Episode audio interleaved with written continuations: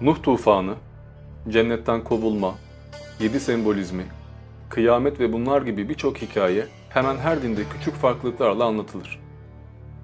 Mitolojilerin ortak bir kültürden beslenmiş olması gayet doğal. Fakat Hristiyanlığın ön ayağı olduğu halde tamamen unutulan birisi var. Kimi kaynaklara göre adı Hanok, kimine göre Tot, Kur'an'a göre ise bu kişinin adı Hazreti İdris'tir. Hanok'la ilgili el yazmaları yakın zamanda ortaya çıkarıldığında dinler tarihi açısından büyük bir şok yaşandı. Bilinen en eski dini metinlerden olan ve pek çok dini hikayenin de esas kaynağı sayılabilecek bu yazmalar dinleri temelden sarsacak ne gibi bilgiler içeriyor?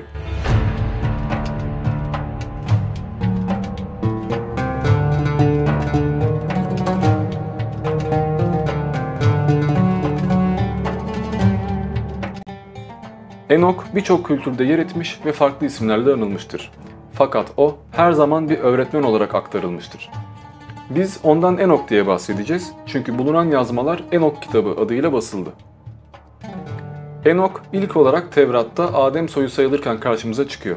Yaratılışın 5. bölümünde Enok'un 300 yıl Tanrı yolunda yürüdüğü ve toplam 365 yıl yaşadığı ancak ölmediği çünkü Tanrı'nın onu yanına aldığı, göğe yükselttiği yazar.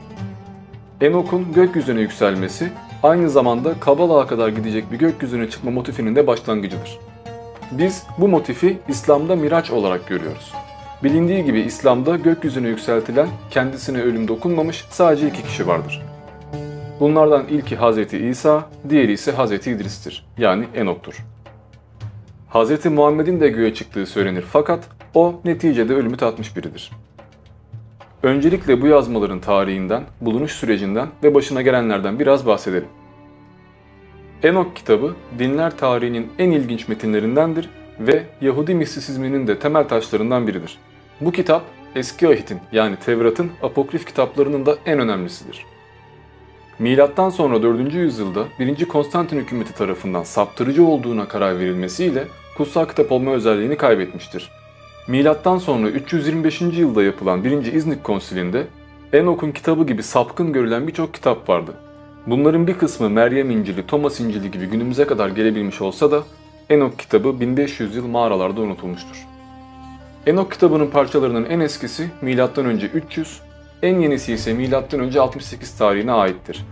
Elbette ki kitaptaki hikayelerin ve efsanelerin tarihi çok daha eskilere dayanıyor. 68 tarihi aynı zamanda Kudüs'e giden Roma ordularının Kumran kentini yıktıkları tarihtir. Yazmaların o dönemde Esseniler adı verilen bir dini topluluk tarafından saklanıldığı düşünülüyor. Ki İsa'nın da Esseniler tarikatına üye olduğuna dair bir takım teoriler vardır. Enok kitabının bu kadar önemli olmasının sebebi kitapta Nuh tufanı ve düşmüş meleklerle ilgili mevcut bilgilerimizle temelden çelişen bilgilerin bulunmasıdır. Bu yüzden Yahudiler ve Roma tarafından 4. yüzyılda derlenmiş olan ve günümüzde kutsal kitap olarak kabul edilen Kitab-ı Mukaddes'e eklenmeyip yakılmıştır. Ancak tamamıyla yok etmeyi başaramamış olacaklar ki 1773 yılında bir İskoç araştırmacı ve mason olan James Bruce Habeşistan'a gitti ve bir şekilde Enok'un kitabının manastırlarda saklanmış İbranice 3 nüshasını buldu.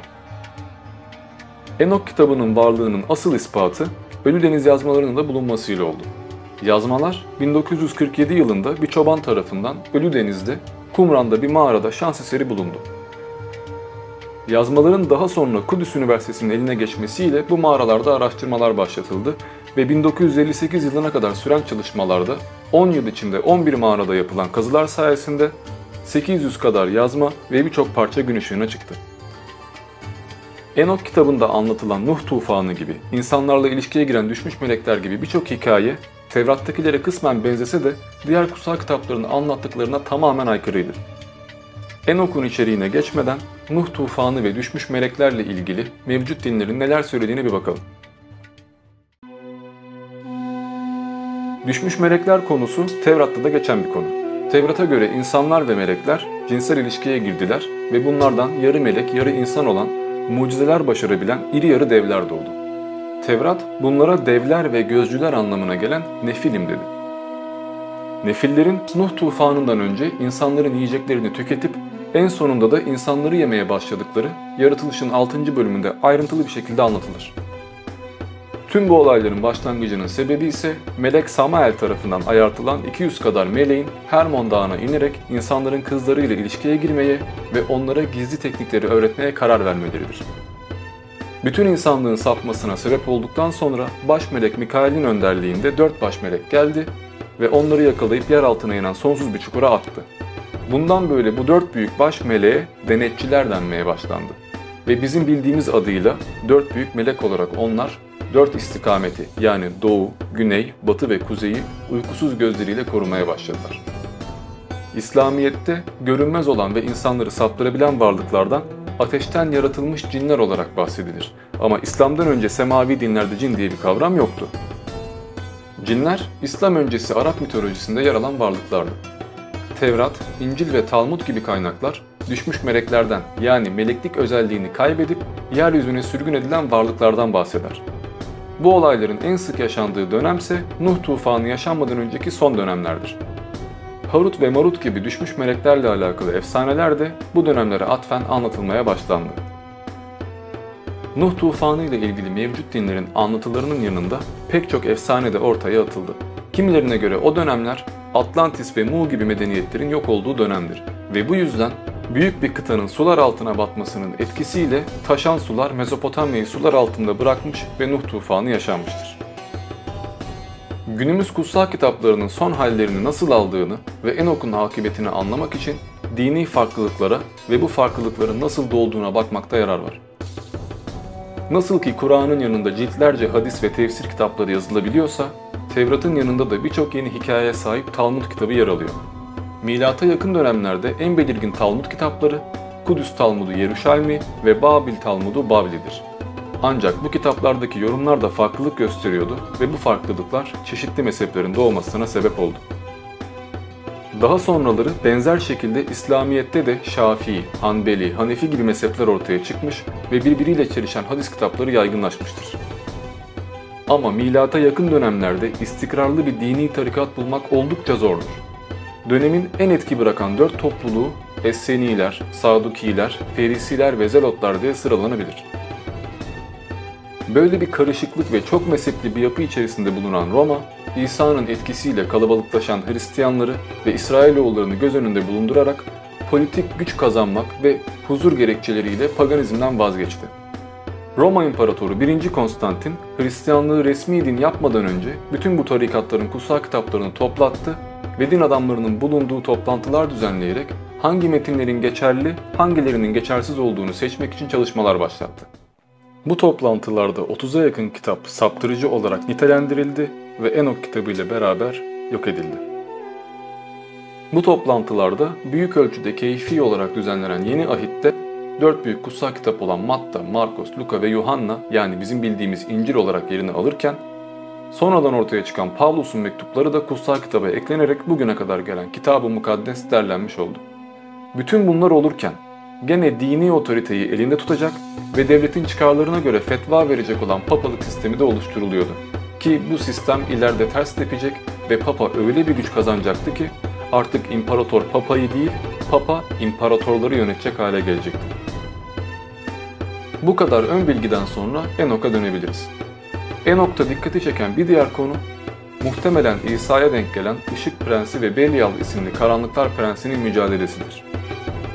Enok kitabı Tevrat'ta boşlukta kalan birçok hikayenin altını doldurması sebebiyle belki de en önemli dini kitaptır. Tevrat'ta Karanlıklar Prensi'nin ölüler kalktığı zaman hüküm gününden sonra sonsuza kadar ateşlere atılacağından bahsedilir. Bu hikaye İslamiyet'te kıyametten sonra şeytanın da sonsuza kadar cehennemde yanacağı inancıyla paraleldir.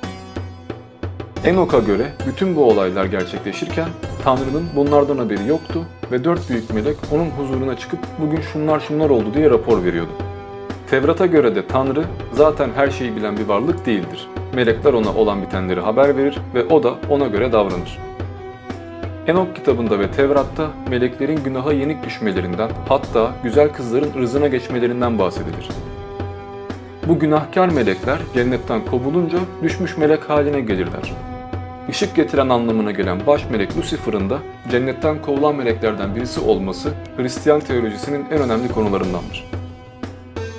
Kur'an'da ise bu varlıkların aslında melek değil birer cin olduğu söylenir. Kur'an'a göre melekler mutlak olarak iyidir ve Allah'ın sözünden çıkmazlar.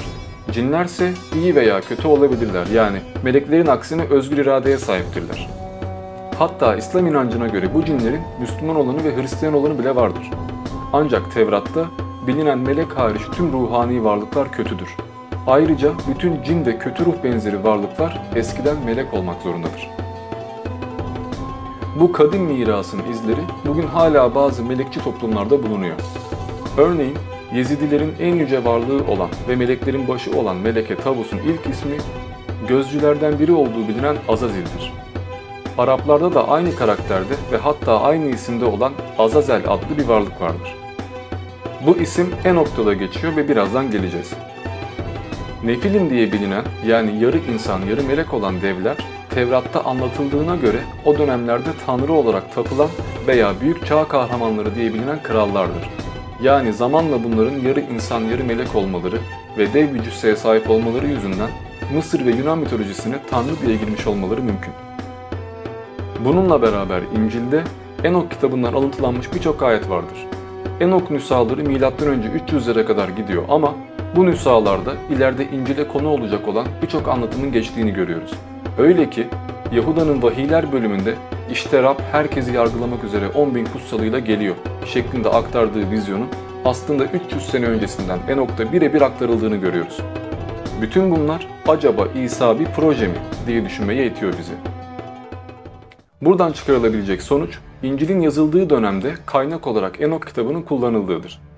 Zaten günümüzde kabul gören İncil'in milattan sonra 4. yüzyıla kadar tek kitap haline getirilemediğini ve Roma kralı Konstantin tarafından bütünlettirildiğini, yine 1. İznik konsülünde yok sayılan, apokrif ve gnostik ilan edilerek yok edilen yaklaşık 30 kitabın daha olduğunu hatırlayalım. Yani günümüzdeki İncil'in kronolojik sıralaması dahil Tevrat ayetlerinin çoğu eldeki 50'yi aşkın kitaptan ayıklanarak oluşturuldu ve bu ayıklamayı da Roma kendi isteği doğrultusunda yaptı. İşte burada tahrifin nedenli büyük olduğu ortada. İznik'teki toplantının asıl amacı bu kitapları ayıklamakken aynı zamanda İsa'nın bir tanrı mı yoksa bir elçi olduğunu da tartışmaktı. Oy çokluğuyla İsa'nın tanrı olduğuna karar verildikten sonra onu veya ondan sonra gelecekleri müjdeleyen diğer kitaplar yanlış sayılarak silindiği için günümüzde Hristiyanlar hala İsa'ya tanrı olarak tapıyor. Eğer o gün orada oy çokluğu İsa'nın peygamberliğinden yana olsaydı şu an Hristiyanlar İsa'ya tapmayacak ve belki de çoğu Hristiyan mezhebi İslamiyet'e geçecekti. Artık Enok'un içeriğine girerek buradan kitaptaki bazı ayetlere bakalım. Bu ayetlerin mevcut dinlerle olan bağlantısını fark etmemiz hiç de zor olmayacak. İnsanlarla ilişkiye giren meleklerden bahsetmiştik. Şimdi o meleklerin dünyaya gelişlerini anlatan ayeti görelim. 7. Bölüm Sonra hep birlikte yemin ettiler ve planı uygulayacaklarına söz verdiler. Sonra kadınlar hamile kaldı ve boyları 135 metre olan devler doğurdu. Ayrıca gökten inen bu meleklerin insanlara büyü ve gizli ilimleri öğretip onları saptırdıkları da belirtiliyor ki bu da bir tartışma konusu. Çünkü Tevrat'a göre insanlığın sonunun gelmesinin sebebi de budur zaten. Ayetlere göre bu gizli ilimleri ve büyüleri öğrenmek, tanrılaşmak konusu Tevrat'ın tanrısı olan Yahve'nin canını çok sıkmış ve bunun sonucunda Yahve ya da diğer adıyla Yehova bütün dünyaya bir tufan yollamıştır. Sonraki bölümde meleklerin bazı işlerinden bahsediliyor. 8. Bölüm Azazil insanlara kılıç, bıçak, kalkan ve zırh yapmayı öğretti. Ayrıca onlara metal işçiliklerini gösterdi. Böyle olunca kötülük arttı. Çok zina işlediler ve yoldan çıktılar. Semyaza büyü yapmayı ve kök kesmeyi, Armaros büyü çözülmesini, Barakiel astrolojiyi, Kokabel yıldızları, Ezekiel bulut bilgilerini, Arakiel toprak bilgilerini, Şamsiyel güneş bilgilerini ve Sariel de ayın hareketlerini öğretti. İnsanlık mahvoldukça çığlıkları göklere ulaştı. Devamında beş büyük meleğin bunları görmesi ve hiçbir şeyden haberi olmayan Tanrı'ya bildirmesi anlatılıyor. Sonuç olarak Tanrı da hükmünü vererek bu melekleri cezalandırıyor. 9. bölümde Azazil'in yakalanıp ateşe atılmasından, 15. ve 16. bölümde de Mikail'in diğer melekleri yakalayıp hapsetmesinden ve sonsuza kadar çekecekleri işkencelerden bahsediliyor. Dahası 18. bölümde o meleklerden doğan çocukların yani nefilimlerin de öldürülmesi emri veriliyor. Ve nihayet hikaye Nuh tufanına geliyor. Tufan dinler açısından belki de en önemli hikayedir. Çünkü tufan hikayesini işlemeyen bir din bulmak neredeyse imkansızdır. Biz tufanı haber veren peygamberi Nuh diye bilsek de daha semavi dinler ortaya çıkmadan çok önce birçok mitolojide ve kültürde tufan efsanesi zaten yer etmişti. Bunların en bilineni Gılgamış destanıdır. Biraz önce Tanrı'ya haber veren 5 baş melekten bahsetmiştik. Bu bir hata değil, evet. Baş melekler bilindiği gibi sadece 4 tane değildi. Sıradaki bölümde 7 baş melekten bahsediliyor. 20. bölüm Bunlar gözleyen baş meleklerin adlarıdır. Uriel, baş meleklerden biridir. Haykırışları ve korkuyu yönetir. Rafael, baş meleklerden biridir. İnsanların ruhlarını yönetir. Raguel, baş meleklerden biridir. Dünyada ve diğer yıldızlarda ceza verir. Mikael, baş meleklerden biridir. Günaha sapan insanların ruhlarını yönetir. Ramiel, baş meleklerden biridir. Baş kaldıranları yönetir. Fanuel, baş meleklerden biridir. Duyguları yönetir. Sarakiel, baş meleklerden biridir. Cenneti, ikisatı ve kerubileri yönetir. Buradaki ikisat, serapim yani yılanlar demektir. Ayrıca bir grup meleği tanımlamaktadır. Adem ve Havva hikayesindeki yasak elmayı yediren kişinin bir yılan olduğunu hatırlayın. Fakat bu yılan aslında bir melek türü. Bu da nasıl olur da şeytanın kovulduğu halde cennete girip Adem ve Havva'yı kandırabildiği sorusunu cevaplıyor. Çünkü bu kitaba göre Adem ile Havva'yı kandıran kişi şeytan değil, başka bir melek. Kimi ilahiyatçılar cennet bahçesinin aslında dünyada olduğunu, bu yüzden şeytanın cennette değil de dünyadaki bir bahçeye girerek Adem ve Havva'yı kandırdığını söyleseler de biz bu konudaki anlatımımızı Enok kitabıyla sınırlandıracağız. İlk saati anlattık. Kerubiler ise başka bir melek türüdür. Tevrat'ta da birçok yerde kerubi ve keruv ifadesi geçer. Örneğin Adem ve Havva'nın kovulduğu Adem bahçesinin etrafına geri dönemesinler diye yerleştirilen keruvlardan bahsedilir. Bunları alevli kılıçlar olarak çevirenler olsa da melek anlamına gelen keruv kelimesinin kullanılması elinde alevli kılıç tutan melekler şeklinde yorumlanabilir. Nitekim kilisenin duvarlarına ve İncil'in vahiy bölümüne baktığınızda elinde kılıçla resmedilen melekler göreceksiniz. Enok kitabı melek türleri bakımından oldukça zengindir.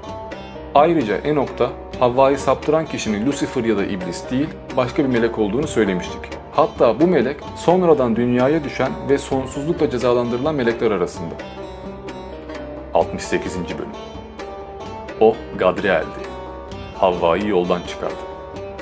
İnsanoğullarına savaş zırhlarını, savaş kılıçlarını ve diğer tüm ölüm silahlarını gösterdi. Ayrıca Gadriel, Hermon Dağı'na inen meleklerin arasında.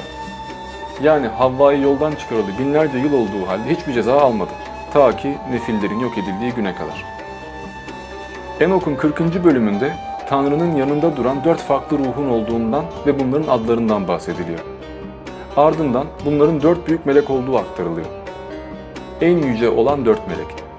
Yani dörtten fazla baş melek olduğu ama aralarında bir derecelendirme yapıldığı ortada. Bu en büyük olan dört melekse Mikael, Rafael, Gabriel ve Fanuel'dir. Yani İslamiyet'teki Azrail veya Hristiyanlığın Lucifer'ı bu iki inanıştan çok daha eski olan Enok kitabında bir baş melek olarak geçmiyor. 60. bölümde meleklerin sınıfları ile alakalı bir açıklama var. Kerubim, Serafim ve Ofani. Bu üç sınıf savaşçı tür melekleri yani güç meleklerini oluşturuyor. Bu da savaşçı melek figürünü ortaya koyuyor. Kiliselerde elinde kılıçla çizilmiş melek figürlerinden söz etmiştik.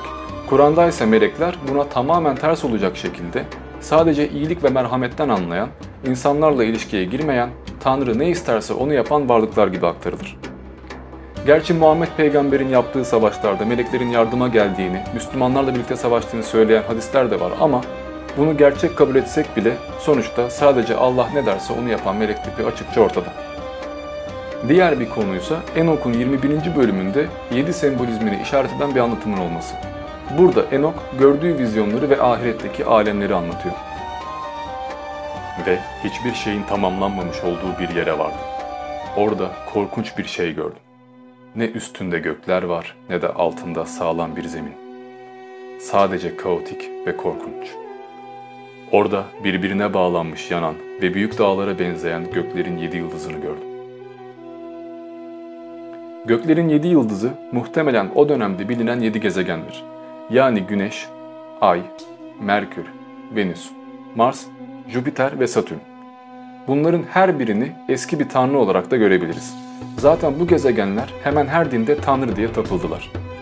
İsimleri değişse de karakterleri hep aynı kaldı. Örneğin Kızıl gezegeni Romalılar Mars dedi ve savaş tanrısı ilan ettiler. Aynı şekilde Yunanlar da ona Ares diyerek yine savaş tanrısı şeklinde sembolize ettiler. Ve bu hemen hemen her gezegen için geçerli. Ayrıca haftanın 7 gün olarak belirlenmesi de buradan gelir. 7 sembolizmi Tevrat ve İncil'de ve o zamanki pagan inançlarda çok önemli bir yer kaplar. Buna neredeyse her dinde rastlamak mümkündür. Pavlus'un mektuplarındaki 7 kilise, 7 tepe gibi 7'ye atıfta bulunulan birçok ayette bunu örnektir. Ayrıca İslam'a da 7 sembolizmi 7 kat cennet ve 7 kat cehennem olarak geçmiştir. Enok kitabındaki bir diğer konuysa nedense pek çoklarının gözünden kaçmış olan kurtarıcı ayetidir.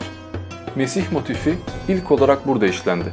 Yani Tevrat'ta açık açık ifade edilmeyen ancak geldiğinde hemen sahiplenilen İsa, burada gelişinden önce net bir şekilde müjdeleniyor. Tabii siz böyle bir kurtarıcının geleceğini müjdelerseniz birileri çıkıp da ben Mesih'im diyecektir. Bunda şaşılacak bir şey yok. Şaşılacak olan eğer İsa diye biri gerçekten yaşamışsa daha o gelmeden 300 sene önce söylenenlere tamamen uygun olarak yaşamış olmasıdır. 46. Bölüm Ve orada kadim olanı, Tanrı'yı gördüm. Başı yün gibi beyazdı. Yanında yüzü insan yüzüne benzeyen başka biri daha vardı. Yüzü çok güzeldi. Tıpkı kutsal meleklerden birinin yüzü gibiydi. Benimle birlikte gelen ve bana bütün sırları gösteren meleklerden birine o adamın kim olduğunu, nereden geldiğini ve neden kadim olanla birlikte olduğunu sordum. Cevap verdi. Bu adil olan insanoğludur. Onun içinde adalet vardır. O tüm hazineleri ortaya çıkarır. Çünkü ruhların tanrısı onu bunu yapması için seçti. Onun topluluğu ruhların tanrısı önünde sonsuza kadar üstündür. Görüldüğü gibi burada seçilmiş kişi bir peygamber gibi anlatılıyor. İncil'de yazıldığı gibi bir tanrı olarak değil. Ayrıca İsa'nın bir diğer ismi de burada söylendiği gibi insanoğludur. İncil'de ona sık sık böyle hitap edilir. Bunu özellikle ben tanrı değilim, ben sizden biriyim demeye çalışıyor gibi düşünebilirsiniz. Neticede biri gerçekten vahiy alıyorsa ileride kendisine tanrı diye tapılacağını da biliyor olması lazım.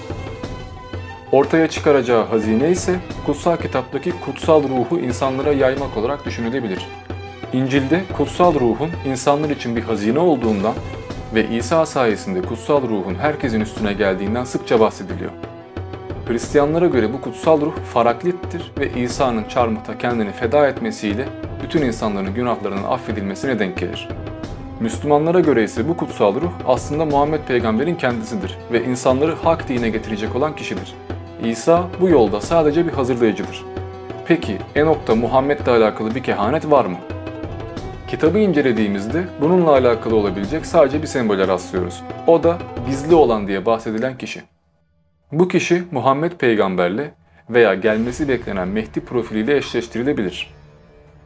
48. Bölüm Seçilmiş olan ve gizli olan dünya yaratılmadan önce bu amaçla seçildiler ve sonsuza kadar onun önünde olacaklar. İncil, İsa'nın ruhunun her şeyden önce yaratıldığını ileri sürer. Çünkü o aynı zamanda Tanrı'nın ruhudur. Bazı İslam hadisleri ise Muhammed'in ruhunun her şeyden önce yaratıldığını çünkü alemlerin onun yüzü suyu hürmetine yaratıldığını iddia eder. Bunu da şu inançla özetlerler. Levlake levlake lema halaktu leflak. Yani sen olmasaydın ben alemleri yaratmazdım. İşte bu yüzden Muhammed peygamberi de tanrılaştıran bazı mezhepler vardır. Ayette yazdığı üzere Tanrı'nın yanında oturanın İsa olduğu belli olduğuna göre ondan sonra gelecek olan ve gizli olan birinden bahsedilmesi İsa'dan sonra peygamberliğin devam ettiği görüşüne güç katıyor. Aynı şekilde İslamiyet'te de benden sonra başka peygamber gelmeyecek çünkü ben sonuncuyum diyen Muhammed'in iddiasını güçlendiriyor. Çünkü başkaları gelecek olsaydı Enok'ta gizli olanlar denmesi gerekirdi. Enok'ta olup da İncil ve Tevrat'ta bulunmayan bu ayetlerin Kur'an'a nasıl geçtiğini ise inançlılar Allah'tan gelen vahiy ile inanmayanlar ise bu hikayelerin Talmud'a ya da halk efsanelerine karışmasıyla açıklayabilir. İsa'nın henüz gelmeden nasıl bir hayat yaşayacağının Enok'ta yazıldığını söylemiştik. Şimdi bununla alakalı ayetleri görelim. 48. Bölüm Onun huzurunda düşecekler ve tekrar kalkamayacaklar. Onları elleriyle tutup kaldıracak kimse olmayacak. Çünkü onlar ruhların tanrısını ve onun Mesih'ini inkar ettiler. Görüldüğü gibi daha gelmemişken inkar edileceği söylenen bir Mesih var.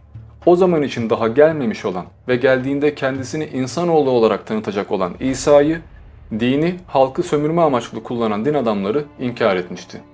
Ve Roma ile işbirliği içerisine girerek onu idam ettirmişlerdi. Tabi İslam'a göre İsa çarmıhta öldürülmedi. Ona tip olarak çok benzeyen Yahuda İsa gibi davranarak kendini feda etti. İsa da Tanrı'nın yanına göğe yükseltildi ve böylece kendisine ölüm dokunmayan ikinci kişi oldu. İlki ise zaten artık bildiğiniz üzere Enok'tu. Enok kitabı ile İncil arasındaki bir diğer benzerlik de İsa ve cennet ilişkisidir. 61. bölümde Enok'ta İsa'ya inananların cennette İsa ile sonsuza kadar kalarak beraber yiyip içeceklerini söyleyen bir ayet vardır.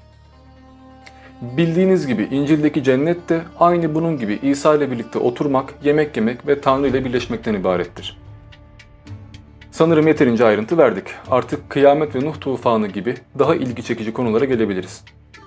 İncil'in vahiy bölümünde kıyamet zamanında gelecek olan 7 başlı 10 boynuzlu bir canavardan bahsedilir. Ki bu canavar İslam'a göre Deccal'dir ve alnında 666 sembolü bulunur.